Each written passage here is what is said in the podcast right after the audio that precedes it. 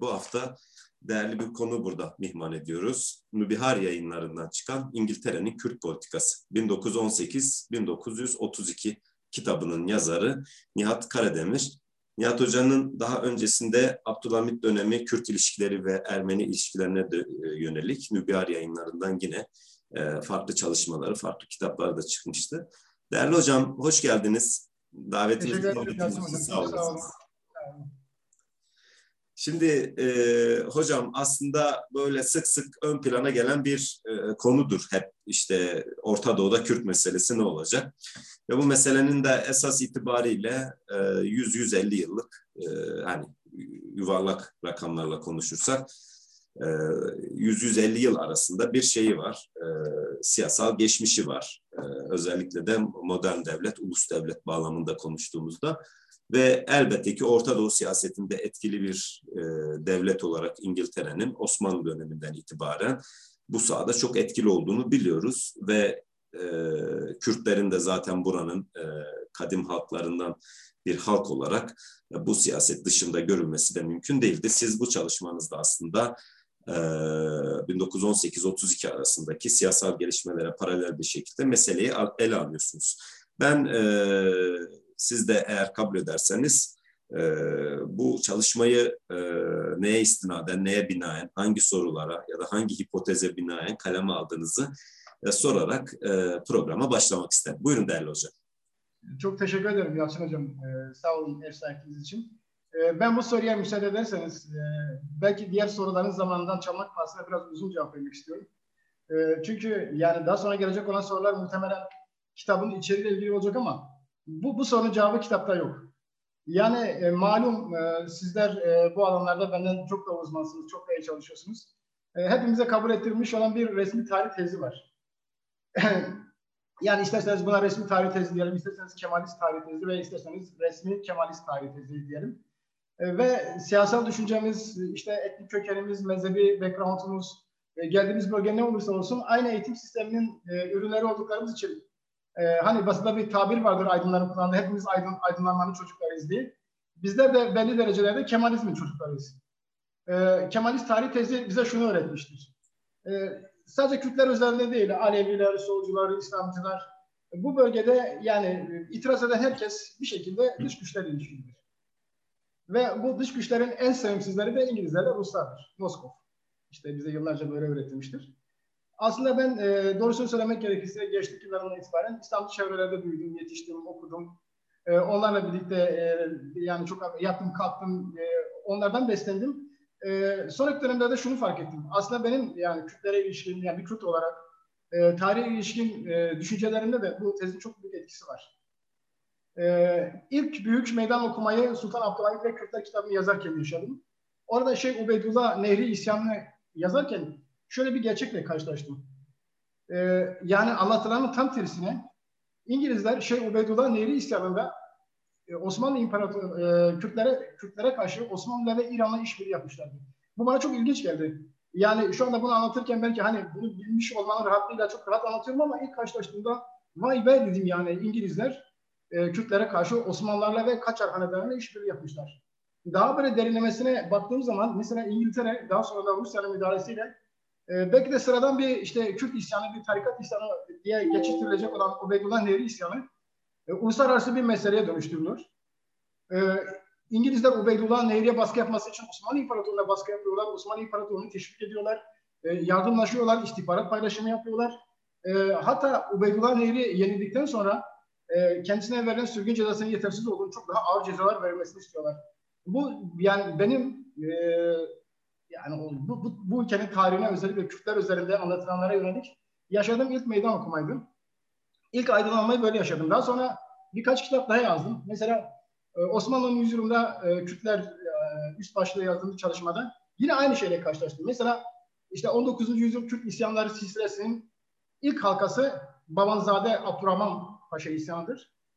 İngilizler orada Babanzade'ye karşı İran ve Osmanlı devletlerini işbirliği yapmaya zorluyorlar. İran'a baskı yapıyorlar Osmanlı işbirliği yap Bu Kürt İslam'ın bastırılmasında yine aktif yer alıyorlar. Mesela Revanduz emiri veya Soran emiri işte bizim Kürtlerin Muhammed Ekor dediğimiz Mir Muhammed isyanında ciddi bir İngiliz etkisi ve müdahalesi görüyoruz.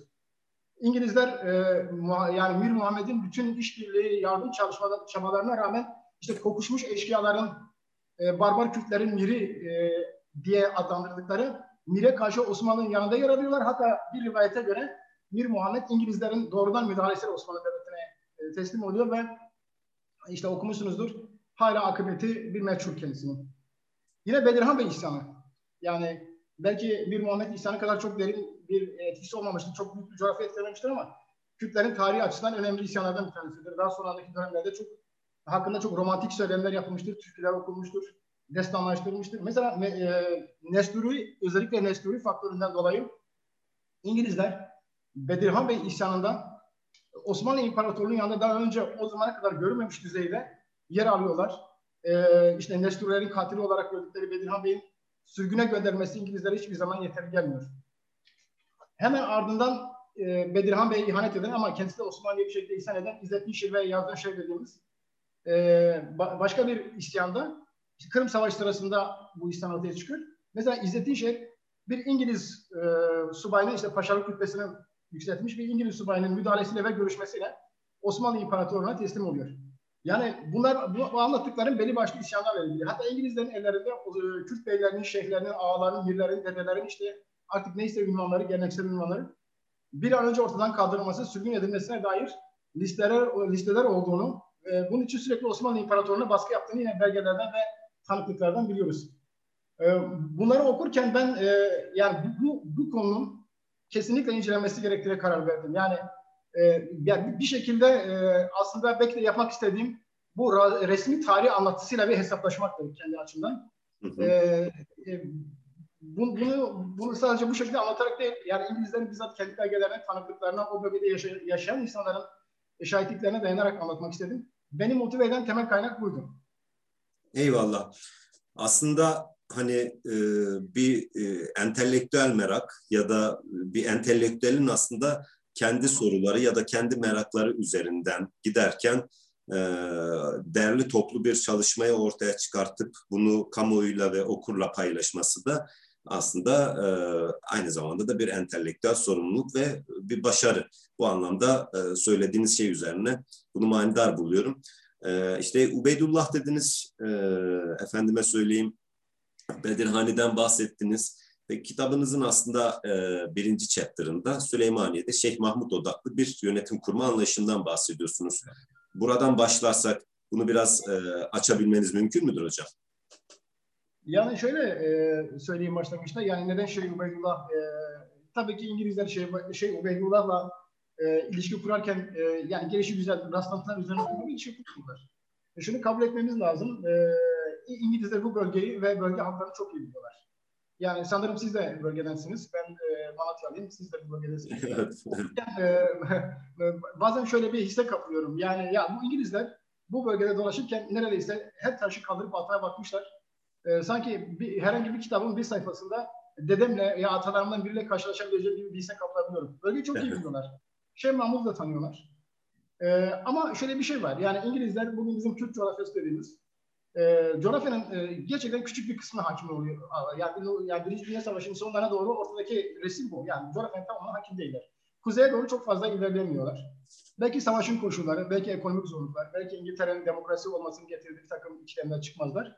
Ee, ama bütün bunlarla birlikte Türklerin direnişleri var. Yani çok ironiktir. Ee, bugün e, Türkiye'de en sorunlu bölgeler olarak kabul edilen Şırnak ve Cizre İngilizlere karşı olan direnişin e, kaleleri, cepheleri. Orada çok şiddetli bir direniş var. İngiliz subayları, e, subayları özellikle bu çatışmalarda ardı ardına suikastlere uğruyor, öldürülüyor. E, bu İngilizleri sadece yani biraz e, daha dar bir alanda bir proje uygulamaya zorluyor. E, Şeyh Mahmut'la görüş, şey, Şeyh Mahmut'la bunu yapmak istiyorlar. Ama Şeyh Mahmut'tan kaynaklanan e, bir takım şeyler de var. Yani hani sadece İngilizlerin tercih söz konusu değil. Örneğin Şeyh Mahmut e, İngilizlerle ilk görüşen e, Kürt liderlerden bir tanesi. Yani İngilizler o bölgeye ilerlerken Şeyh Mahmut e, adeta olacakları önceden seziyor. Dengelerin değiştiğini fark ediyor. Ha, zaman zaman fikir değiştirdiği yerden Osmanlı'ya yanaştı falan oluyor ama dengelerin değiştiğini artık bu bölgenin yeni egemeninin İngilizler olacağını fark ediyor. Ve o da İngilizlere yanaşıyor. İngilizlerle görüşmeler yapıyor. E, sizin adınıza ben bu, bu bölgeyi yönetmeye talibim gibi ifadeler kullanıyor. Böyle bir şey de var. E tabi e, yani Şeyh Mahmud'un aynı zamanda bir aile geçmişi var. Yani Şeyh Mahmud yerden gitme veya işte gökdenizden bir inme değil. O güçlü bir şeyh ailesinin çocuğu, bir seyit. Ve e, en ya belki de İngiliz açısından en avantajlı durumu Şeyh Mahmud'un Kürtler e, nezdinde çok büyük bir karizma, çok büyük bir lider, dini bir önder olan babası İttihatçılar tarafından öldürülmüş. Ve bu İttihatçılar da Birinci Dünya Savaşı'nı yöneten Osmanlı seçkinleri. E, hatta işte İttihatçıların politikaları, geçmişte işledikleri suçlar, ideolojik e, duruşları e, yani Şeyh Mahmud'un Osmanlı hilafetine olan hani o İslami bağlılığını da bir, bir nevi şey yapıyor. Yani yavaşlatıyor, zayıflatıyor. Yani anlamsızlaştırıyor daha doğrusu. Yani İttihatçıların yönettiği bir ülkede e, çok fazla böyle yani ona göre çok fazla bir İslami bir şey beklemenin bir halifelikten melut olmanın bir anlamı da yok. Çünkü İttihatçılar birçok Müslüman din adamının gözünde o zamanlar e, kurda tapan e, yani kurda tapan kavmiyetçiler olarak kabul ediliyor. E, bunu da sağladığı bir e, avantaj var. Bir de e, Şeyh Mahmud Kadiri bir e, Kürt şehidir. E, yani o sırada Kürdistan coğrafyasına hakim olan Nakşibendik'ten farklı olarak e, Kadirlik'te böyle kategorik bir İngiliz düşmanlığı yoktur. Hani, hani tabii ki İslamiyet çok önemlidir. Tabii ki bütün İslam e, İslam cemaatlerde, tarikatlarda e, temel diyalektik iman küfür diyalektidir ama Nakşibendilik e, kategorik olarak e, yani Hristiyanlar ve Yahudiler çok düşmandır ve özellikle İngilizlere düşmandır.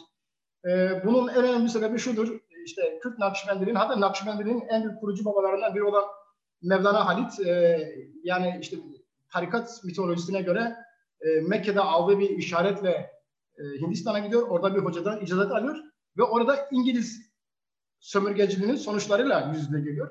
Bunu gördüğü için onlarda İngiliz, İngilizlere yönelik ciddi bir nefret ve e, halifenin halifeliğin son kale olarak görmesi gibi bir anlayış var. Ama Kadirlik'te de bu yok. E, yani Kadirler ya, bu bir avantaj onun bu ilişkinin kurması açısından. Ama şunu kabul etmemiz lazım. Yani Şeyh Mahmud'la Şeyh Mahmud üzerinde bir yönetim kurmak istiyorlar ama bu kalıcı bir model değil. Aslında geçici bir çözüm arıyor İngilizler. E, çünkü kalıcı bir yönetim kurmak için şartlar müsait değil. Bir kere uluslararası konjonktür müsait değil. Yani bir sürü gizli anlaşmalar var. İşte meşhur Sykes-Picot var. Yani o bölge kimin olacak? Fransızlar mı, İngilizler mi, bir Arap devletini mi, işte bütünleşik büyük bir Kürdistan kurulacak? Bunlar belli değil. Ee, yani bu yüzden e, Kürtlere bir söz vermelerinin bir şeyi yok. Yani bir, bir, bir sonucu olmayacak. Olmayacak bunu biliyorlar.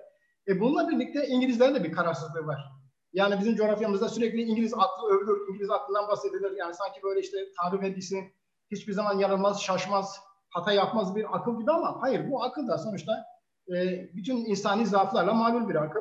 E, ve kararsızlıkları var. Yani İngiliz hükümeti farklı düşünüyor, Hindistan hükümeti farklı, Hindistan'daki İngiliz temsilciliği farklı düşünüyor, Mısır'daki komiser farklı düşünüyor, Orta Doğu'daki e, yerel yöneticiler e, farklı düşünüyorlar, dışişleri farklı düşünüyor, e, sömürgeler bakanlığı farklı düşünüyor. Bütün bunlarla birlikte Kürtlere sempati duyan, e, Kürdofil diyebileceğimiz e, İngiliz istihbaratçıları veya İngiliz yöneticileri var. Bütün bunların içerisinde onlar da bir karar veremiyorlar, karar vermekte zorlanıyorlar. E, bunun üstüne bir de tabii ki şey var, yani Ruslar var, Bolşevikler var.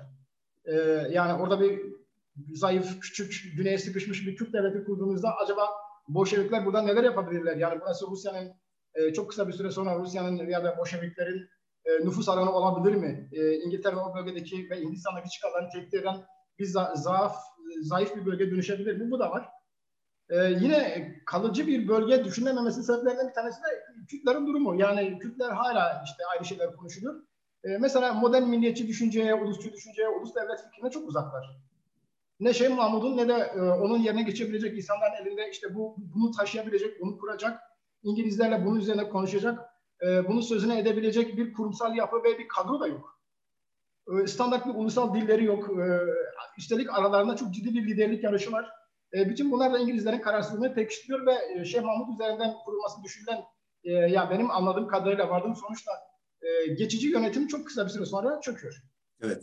Peki burada araya girerek şunu sorsam hani farklı coğrafyalardaki Kürt hareketlerinin İngilizler ile ilişkileri ve İngilizlerin de bunlara dair bakış açılarında e, anladığım kadarıyla bir e, sabitlikten bahsetmiyorsunuz. Çünkü evet. farklı krikler var İngiliz diplomasisinin içerisinde ya da bölgedeki hareketlilik içerisinde.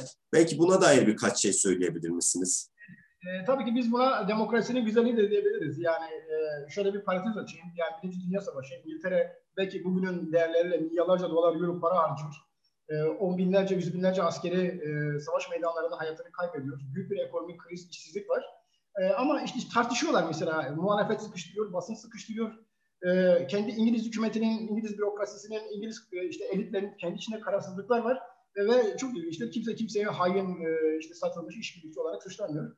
E, bunun getirdiği bir şey var ama e, hani farklı coğrafyalardaki Kürtlerle ilişkileri, ya çok ayrıntılara girmeden şunu söyleyebilirim. E, yani çok çok rahatça şunu belirtebilirim, vurgulayabilirim. E, İngilizler e, Kürtler söz konusu olduğunda kategorik olarak, yani çok mecbur kalmadıkça her zaman egemen devletin yanında yer almışlardır. E, yani bu, bu çok değişen bir şey değildir. Bu hala da öyle. Mesela birkaç yıl önce Güney Kürdistan'da yapılan referandumda da bunu gördük. E, İngilizler genellikle egemen devletin e, yanında yer almışlardır. E, bunun bir takım sebepler var İngilizler açısından. Mesela işte Hindistan faktörü. Yani o dönemde işte yaklaşık geç, yani bir önceki yüzyılın ortalarına kadar Hindistan İngiltere'nin en, en değerli varlıklarından bir tanesi. Yani bu bölgedeki Asya'daki hatta belki global politikalarını oluştururken e, içinde Hindistan olmadan hiçbir şey düşünemiyor, tasarlayamıyor. E, Hindistan faktörünü en çok e, tehdit eden e, işte baş, daha önce Çarlık Rusyası, daha sonra da Bolşevikler. Bunlarla mücadele edebilmeler için istikrarlı ve e, istikrarlı bir Osmanlı'ya, istikrarlı e, bölünmemiş tek parça bir Osmanlı'ya ve İran'a ihtiyaçları var. E, çünkü Balkanlardan elde edilmiş bir takım tecrübeler var. E, zayıf devletler kolaylıkla Rusların nüfus alanına dönüşebiliyorlar. Çünkü Rusların onlara komşu olmak gibi bir avantajı var. E, o, o coğrafyaya kolaylıkla nüfus edebiliyor. Bundan dolayı e, yani Osmanlı ve İran topraklarında zayıf, istikrarsız, işte e, ne olacağı belli olmayan Kürt devletleri ya da Kürt hareketlerini desteklemektense e, İngilizler e, gerçekten de dört parçada da e, egemen devletlerden yana tavır koyuyorlar. İşte tabii Bolşevik faktörüyle birlikte ticari çıkarlar var. Yani burası aynı zamanda yakın zamanlara kadar e, İngilizlerin çok ciddi şekilde ham madde temin ettikleri, aynı zamanda mamul ürün sattıkları e, çok önemli bir coğrafya. Ve tabii daha sonra petrol ortaya çıkıyor. E, yani petrolün bulunduğu bir bölgede işte Kerkük meselesini gördük yakın zamanlarda. E, yani bir süreklilik var gerçekten de tarihte. Kitabın ön sözünde de buna biraz değinmeye çalıştım. Mesela Kerkük sorunu konuşulurken e, yani petrol petrol çok da önemliydi oradaki e, halkların geleceğinden ve işte demografik yapıdan, işte tarihsel iddialardan falan çok da önemli olan petrolün hakimiyeti. E, petrol de söz konusu olduğu zaman İngilizler e, kurumsallaşmış, tarihsel bir geçmişleri olan, e, işte bürokratik yapılar olan tanıdıkları, bildikleri, işlerine nüfus ettikleri devletlerle iş yapmanın daha kolay olduğunu düşünüyorlar. E, bir de e, ama şu da var. Yani e, İngilizler tamam kategorik olarak her zaman egemen devletlerin yanında yer almışlar Kürtlere karşı. Ama e, şeyi de Kürtlerle irtibatla hiç kesmiyorlar. Yani İngiliz belgelerine baktığımız zaman e, gerek İstanbul'da olsun, gerek Mısır'da olsun, gerek işte kendi ana vatanlarında olsun e, öz, özellik yanlısı olsun, bağımsızlık yanlısı olsun, işte Osmanlı içerisinde kalmaktan e, yana olan yapılar olsun, e, şeyhlerin desteklediği hareketler, seküler hareketler falan filan. Ama İngilizler bunlarla sürekli bir irtibat halindeler. Sürekli bunları izliyorlar, bunlarla görüşüyorlar, bunları kontrol ediyorlar ve zaman zaman e, bazen e, şöyle söyleyeyim, egemen devletlere de bunlarla ilgili, ilgili bilgiler verdikleri gibi bazen Irak örneğinde de çok sık karşılaşacağız kitapta. E, bu hareketleri egemen devlete karşı bir şantaj ve tehdit aracı olarak da kullanabiliyorlar. Yani Kürtleri de tamamıyla yok saymıyorlar. Ya da tamamıyla dışlamıyorlar, tamamıyla reddetmiyorlar. O, o sıcak irtibat bir şekilde var. Ama e, yani başta söylediğim bir daha söyleyeyim. E, son noktaya geldiklerinde, son kertede her zaman egemen devletlerde yana tavır aldıklarını ben gördüm. Peki hocam e, çalışmanızın e, bir diğer bölümü aslında 1920 yılında meydana gelen işte üç diplomatik hareketlilik efendime söyleyeyim Paris e, Anlaşması, Paris Barış Konferansı, e, San Remo ve e, Sevr bağlamında e, meseleyi tartıştığınız bir bölüm de var. Bu bura üzerinden hareket edersek tarihte Kürt meselesinin e, uluslararası diplomasideki görünürlüğüne dair e, ne söylemek istersiniz? İşte şimdi özellikle Birinci Dünya Savaşı sonrası konjonktürü değerlendirdiğimiz zaman ki bu konjonktür Kürtlerin belki bir daha tarihte elde edemeyecekleri e, bir takım koşullar, bir takım olanaklar, avantajlar sağlıyordu. Benzer bir durum işte Körfez Savaşı, ikinci özellikle ikinci Körfez Savaşı'ndan sonra yaşandı. Yani dünyada Kürt sorunu değil de Kürdistan sorunu olduğu bir dönem o dönem. Ee, yani bu Kürt sorunu Kürdistan sorunu arasındaki farka e, belki Lozan'da, Lozan'la ilgili konuşursak değinebiliriz. Şimdi uluslararası toplum e, tam bu aşağıda yani dünyanın yeniden kurulmakta olduğu bir anda e, benim vardığım önemli tespitlerden bir tanesi şu aslında uluslararası toplum Kürtler hakkında net değil, çok kararsız. Yani herkesle ilgili bir takım projeler var. Eksik, yanlış, doğru. Uygulandı ve uygulanmadı. Araplarla ilgili, Siyonistlerle ilgili, Türklerle ilgili, hatta Ermenilerle ilgili. Yani e, cenosite rağmen e, Ermenilerle ilgili Birinci Dünya Savaşı'ndan sonra çok ciddi projeler, konuşulan şeyler var, tartışılan şeyler var ama Kürtler konusunda uluslararası toplum arasında çok ciddi kararsızlıklar, çelişkiler e, ya var ama bu çok böyle nitelikli tartışmalara da sebep olmuyor. Yani tam olarak bir görmezlikten gelme diyemem ama hani kararsızlık bazen karar almak için bir takım süreçleri e, teşvik edebilir, e, ateşleyebilir ama böyle bir şey de yok.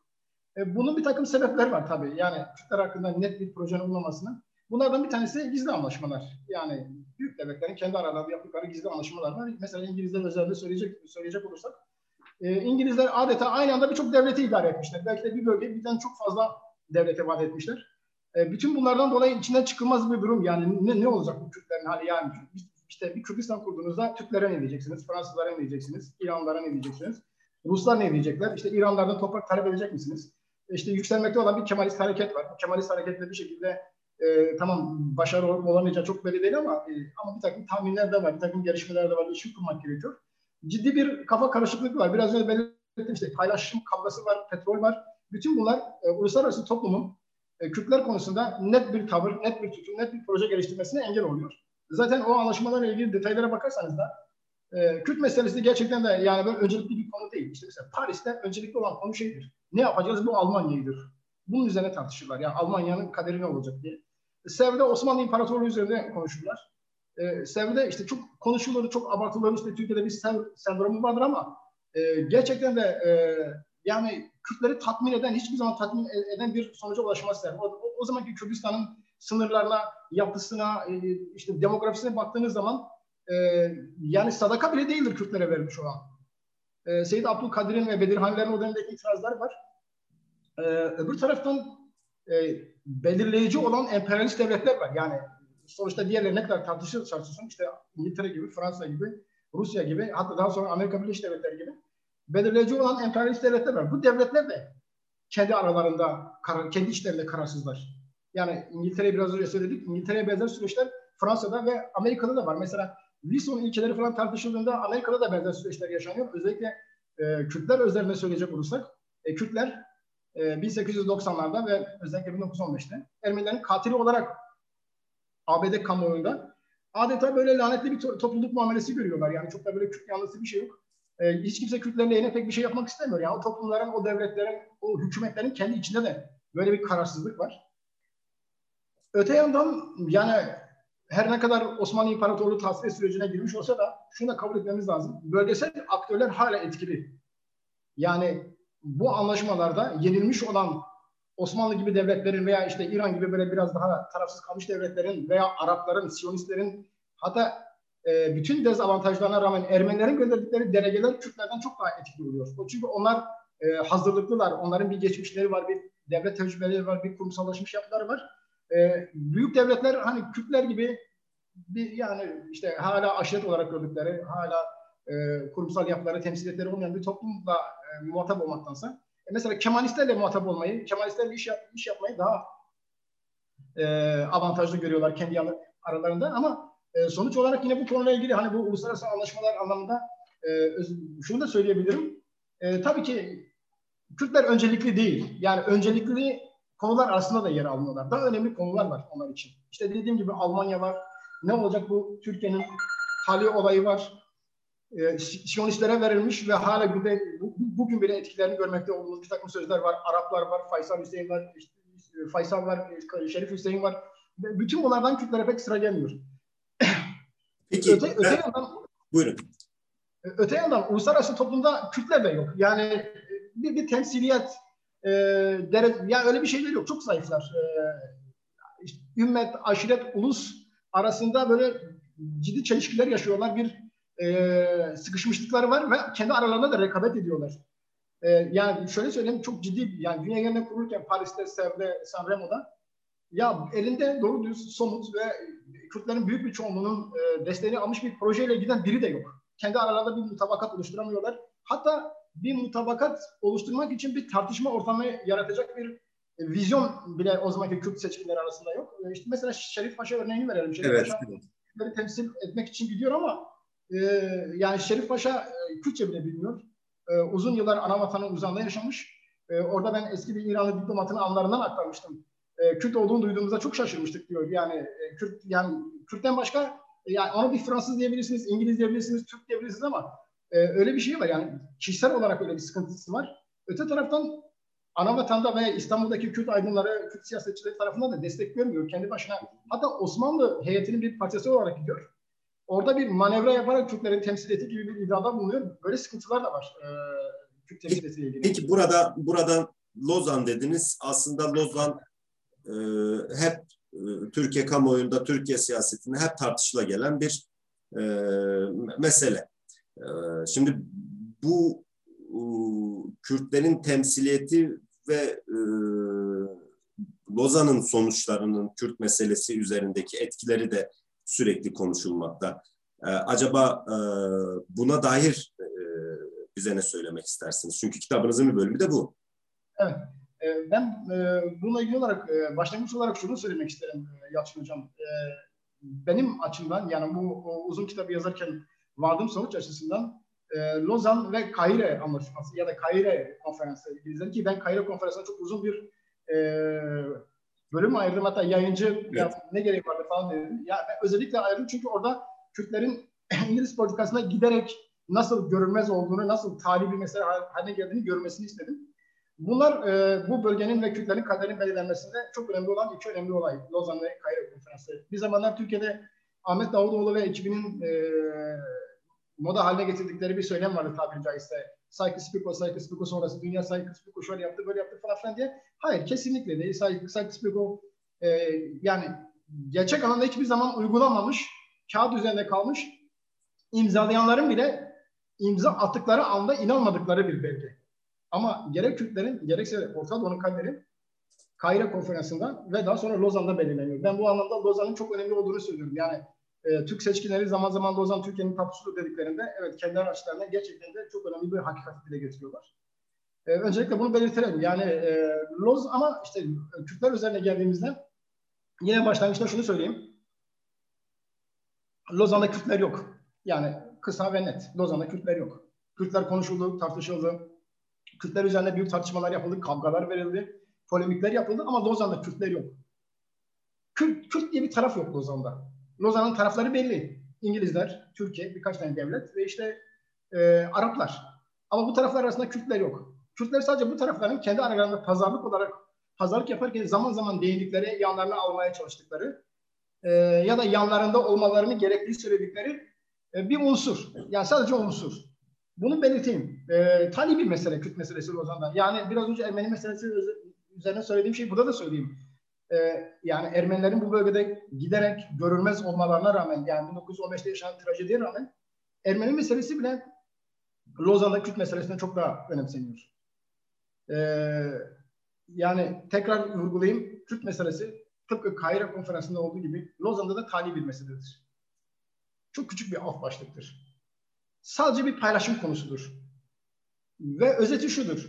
Petrole karşılık Musul, petrole ve Musul'a karşılık Kürtleri verelim. Ee, her iki taraf da buna baştan hazır ve razıdır. Yani evet yani belki bugün resmi tarih tezi bunu doğrulamıyor ama mesela e, Arnold Toynbee e, 1921 olması lazım. Tam, tam emin değilim ama bir çalışma Ankara'ya gelir ve Ankara hükümetiyle bir görüşme yapıyor. Yani düşünün daha ortada bir cumhuriyet yok. Türkiye Büyük Millet Meclisi yeni kurulmuş ve orada yaptığı bir tespit var. Diyor ki Türkiye Büyük Millet Meclisi'nin temel sorunu Kürtler diyor. Eğer Kürtler konusunda onları razı ederseniz e, onlar da Musul konusunda sizi razı ederler. Yani İngilizlerin vardıkları sonuç bu. Bunu çok iyi biliyorlar ve bunu sonuna kadar götürüyorlar. Türkiye de aynı şekilde bunu sonuna kadar kullanıyor.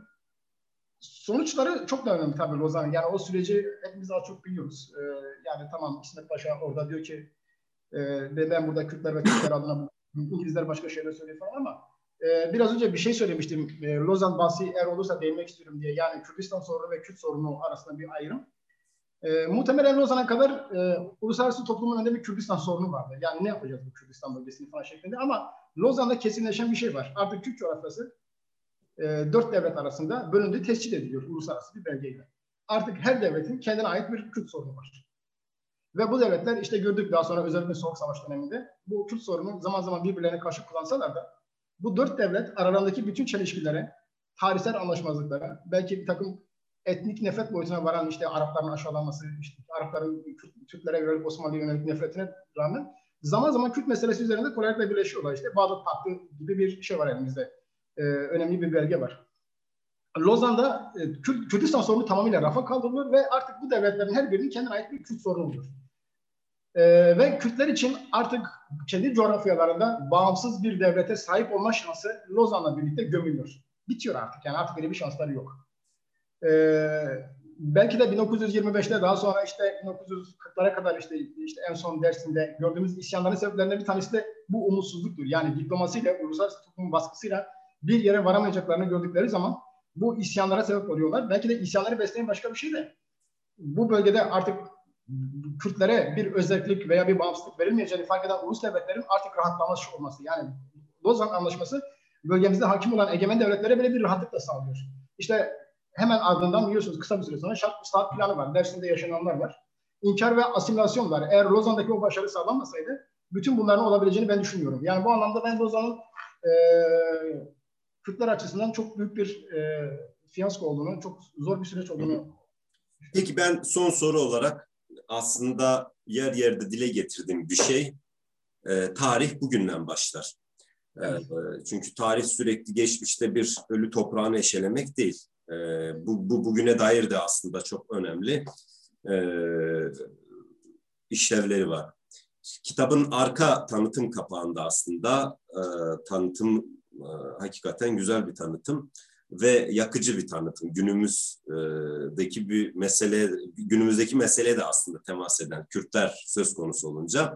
Şimdi bugün birçok devletin sınırları içerisinde yaşayan e, Kürtlerin siyasal ve kültürel taleplerinin sürekli bir emperyal projenin devamıymış gibi lanse edilip e, itibarsızlaştırdığını yani itibarsızlaştırıldığını görüyoruz ki zaten kitap arka kapakta da buna temas edilmiş. Ee, acaba e, bütün bu tarihi düşündüğümüzde e, bunun tarihsel köklerine dair ne söyleyebilirsiniz? Yani herkes bağımsızlığını kazanabilir, herkes devlet kurabilir. E, ama işte bugün Orta Doğu'da Kürtler söz konusu olduğunda onların e, en ufak talepleri bile bir emperyal projenin e, sanki şeyiymiş gibi, e, nifak oyunumuş gibi e, algılanmakta ya da bunu bu, bu şekilde suna, sunanlar söz konusu. Son olarak buna dair ne söylemek istersiniz Nihat Hocam? Yani evet e, başlangıçta şöyle bir şey demiştim. Mesela bizler e, bir İslami İslamcı gelenek içerisine gelmiştik geçtiğimizde. E, kendimiz de Kürt olmamız hasebiyle zaman zaman mesela bu tür konuları kendi İslamcı çevrelerimize dile getirdiğimizde şöyle tepkilerle karşılaşırdık. Ya aman Kudüs işgal altındayken siz de Kürt meselesini konuşuyorsunuz. İşte ümmetin bu kadar sorunu varken Kürt meselesini konuşuyorsunuz anladığım kadarıyla benzer sorunlar e, işte sol mahallelerde de konuşuluyor. Oralarda da böyle sorunlar var. Tabii bunun en önemli tarihsel kökeni şu. Yani bölgemizde kurulan e, ulus devletler, işte Türkiye, Suriye, Irak, İran her ne kadar sonraki dönemlerde Batı ile çok sıkı ilişkiler geliştirmiş olsa da mesela Türkiye özelinde söyleyecek olursak mesela Batı emperyalizminin en önemli temsilcilerinden biri olan NATO'nun bir üyesi. Ve Avrupa Birliği'ne girmek için işte can atan bir ülke olduğumuzu söylüyoruz. Ama Batı bizim ötekimizdir, kötümüzdür. Yani e, Kürt hareketlerinin veya Kürtlere benzer talepleri olan başka etnik veya işte mezhebi, dini unsurların taleplerinin e, dış güçlerle bağlı, bağlı dış güçlere tabi hareketler olarak göstermesinde genellikle Batı adres gösteriyor. Yani o dış güç genellikle Batı'dır. Burada Batı nefreti bir nevi o sorunları üstünü örtmek için e, kullanılır. Yani en önemli tarihsel kökü bu olayların Batı, yani bu toplumların Batı öteki, öteki olarak görmeleri Batı emperyalist olarak görmeleri, Batı ile geçmişte yaşadıkları sorunlar üzerinden yeni bir ulus inşa etmeye çalışmaları. E, böyle yaptığınız zaman e, yani eğer Batı böyleyse, kötüyse, Batı geçmişte bizi işgal etmişse, bizimle savaşmışsa, haçlıysa biz de kendi muhalefetimizi o haçlı Batı'nın, o zalim Batı'nın yani tırnak içerisinde yavur Batı'nın yanında gösterdiğimizde kolaylıkla yalnızlaştırabiliyor, kolaylıkla itibarsızlaştırabiliyoruz. Bir bu var. İkincisi de Kürt'e yönelik bakış açısı var. Yani e, Kürt ilişki kuramaz. Yani Batı ile ilişki kuramaz. e, her, herhangi bir dış güçle ilişki kurmaz çünkü Kürt yoktur yani yani olmaması lazım Kürt'ün. Kürt diye bir halk, Türk, Kürt diye bir ulus yoktur. Yani böyle bir ilişki kurabilmeniz için sizin bir özne olmanız gerekiyor. Kolektif bir özne olmanız gerekiyor. Bir halk olduğunuzu kabul edilmesi gerekiyor. Bir ulus olduğunuzu kabul edilmesi gerekiyor. E, bir ulus değilseniz, bir halk değilseniz, bir özne değilseniz o zaman sizin iradeniz de olamaz. O zaman sizin temsiliyetiniz de olamaz. E, ve sizin kurduğunuz ilişkinin meşruiyeti de olamaz. Bütün bunlar e, kolaylıkla kullanılıyor. İşte ve bunları destekleyen bir takım e, ideolojiler veya e, işte paradigmalar üretilmiş. İşte ümmet edebiyatı çok sık yapılıyor Kürt meselesi söz konusu olduğunda. Halklar edebiyatı çok söz konusu. Yani halkların halklar söylemiyle ve ümmet söylemiyle e, sizin kurmak istediğiniz ilişki veya söyleminiz kolaylıkla maskelenir, manipüle edilebilir. Ve siz bu şekilde itibarsızlaştırırsınız, yalnızlaştırırsınız. Bölgedeki diğer halklarla sağlıklı bir ilişki kurmanız söz konusu değildir. Eğer siz e, bu toplumun, bu ümmetin ve bu halkların düşmanı olan emperyalistler ve batılılarla yine e, tırnak içerisinde gavurlarla işbirliği yapıyorsanız veya onlarla görüşüyorsanız e, yani siz bu, bu, burada yaşayan diğer toplumların dostu olamazsınız, kardeşi olamazsınız. Bunun böyle bir kolaylaştırıcı etkisi var. Ama öbür taraftan tabii ki e, yani e, bütün bunlar diğer hakim topluma veya o hakim toplumun temsilcisi olan devletlere ve hükümetlere meşru. Bunu da görüyoruz yani. Onlar ile ilişki kurabilirler çünkü onların özneleri vardır, halktır, ulustur, devlettir. E, bir de tabii bunun Kürtlerden kaynaklanan e, şeyleri de var, e, faktörler de var yani bu konuda e, Yalçın. Yani e, Kürtlerin de mesela uluslararası toplumla iletişim kurmak için ve uluslararası toplumla sorunlarını iletmek için, onlardan destek almak için etkili kurumları yok. Meşru yani uluslararası toplum tarafından meşru kabul edilmiş e, kurumları yok. E, yani işte mesela e, yani son 30-40 yıldır Kürtlerin en meşhur taleplerinin sadece ulusal çapta değil, uluslararası toplumda da e, kriminalize edilmesine sebep olan bir PKK Öcalan faktörü gibi bir sorunumuz var. Yani e, ana dil gibi bir sorunu bile uluslararası toplumda dile getirdiğinizde e, işte ellerine bir PKK flaması ve Öcalan'ın işte portresini koyduklarında o eylem çok kolay bir şekilde itibarsızlaştırılabilir. Yani Kürtlerden kaynaklanan sorunlar da var. E, ve Batı'nın zaman zaman Kürtler lehine, Kürtler lehine yaptığı ama Kürtlere çok da faydası olmayan ve işte bu emperyalizm algısını besleyen müdahaleler de oluyor. Bütün bunlarla birlikte tabii ki e, şeyde e, yani dediğim gibi en, en önemli mesele Kürtlerin bu bu konuları gündeme getirecek uluslararası toplumla ve işte komşu toplumlarla, halklarla sağlıklı ilişkiler kuracak kurumlar, liderlikler geliştirmek olmaları. Evet, çok teşekkür ediyorum hocam. Çok e, dolu dolu bir söyleşi oldu. E, kitap e, ziyadesiyle hacimli, e, iyi de bir e, arşiv var. E, farklı kaynakları kullanmışsınız. Bu açıdan e, size çok teşekkür ediyorum. E, arzu edenler arzu edenler zaten daha teferruatlı malumata kitaptan erişeceklerdir. Son sözünüz e, nedir diye sorarsam ne söylemek istersiniz? Ben çok teşekkür ederim size Yasin Hocam. Son olarak şunu söylemek istiyorum. Yani Kürt tarihi, Kürt edebiyatı, Kürt sosyolojisi üzerine birçok yayın evleri çok değerli çalışmalar yapıyorlar. Ben buradan bir eksikliği müsaadenizle dile getirip Lütfen. söylemek istiyorum. Yani ben bu çalışmalarda çok ciddi bir seçicilik olduğunu görüyorum Malatyalı bir Kürt vatandaşı olarak. Yani hem dil anlamında hem bölge anlamında hem dönem anlamında çok yani çok ciddi bir şey var, seçicilik var. Hep yakın dönem incelenir. Hep belli bölgeler üzerine çalışılır ve hep belli bölgelerde konuşulan diller konuşulur. Ben e, Fırat'ın batısının çok e, ihmal edildiğini düşünüyorum bu çalışmalarda. Ee, daha önce e, sosyal medya hesaplarında da bunu gündeme getirmiştim ve bununla ilgili e, ben bir takım şikayetlerde bulmuştum. E, Fırat'ın batısı dediğimiz işte Malatya, Dersim ve yine Dersim'le ilgili olarak önemli sayıda çalışma var ama Adıyaman'ın ilçeleri, Maraş, Sivas, buradaki Kürtlerin tarihiyle, buradaki Kürtlerin dilleriyle ilgili çok fazla bir çalışma yok.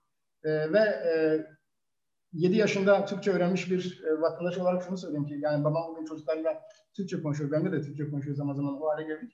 Şark İslahat Planı'nın e, bu bölgede çok başarılı olduğunu görüyorum Fırat'ın batısında. Belki bu tür çalışmalarla Şark İslahat Planı'nın bu başarısı bir belli bir aşamada şey yapılabilir, dengelenebilir. Belki verdiği zararlar tedavi edilebilir. Ben bu yüzden e, Kürt yayın evlerini araştırmacılara buradan seslenmek istiyorum. Biraz Fırat'ın batısındaki Kürtlerin dilleriyle, tarihleriyle, coğrafyalarıyla, kültürlerle ilgili çalışmalar da yapabilir. Ellerinde çok ciddi e, malzemeler de olduğunu düşünüyorum. Mesela e, yani tarihçi arkadaşlara söylüyorum ben zaman zaman. Dumuklu isyanı, ne bileyim Kötürge'deki Canbek isyanı gibi e, yani tarihe odaklandığım için konuşulacak, tartışılacak, yazılacak çok şeyler var ama bölgemizin çok ihmal edildiğini düşünüyorum. Buradan e, sistemi dile getirmek istiyorum sizin vesileyle. Eyvallah, çok sağ olasınız. Bu vesileyle biz de e, bu değerli çalışmaları gerçekleştiren e, yayın evlerine e, bu sözünüzü iletmiş oluyoruz. Çok teşekkür ediyorum hocam. Ben teşekkür ederim. Çok sağ olun.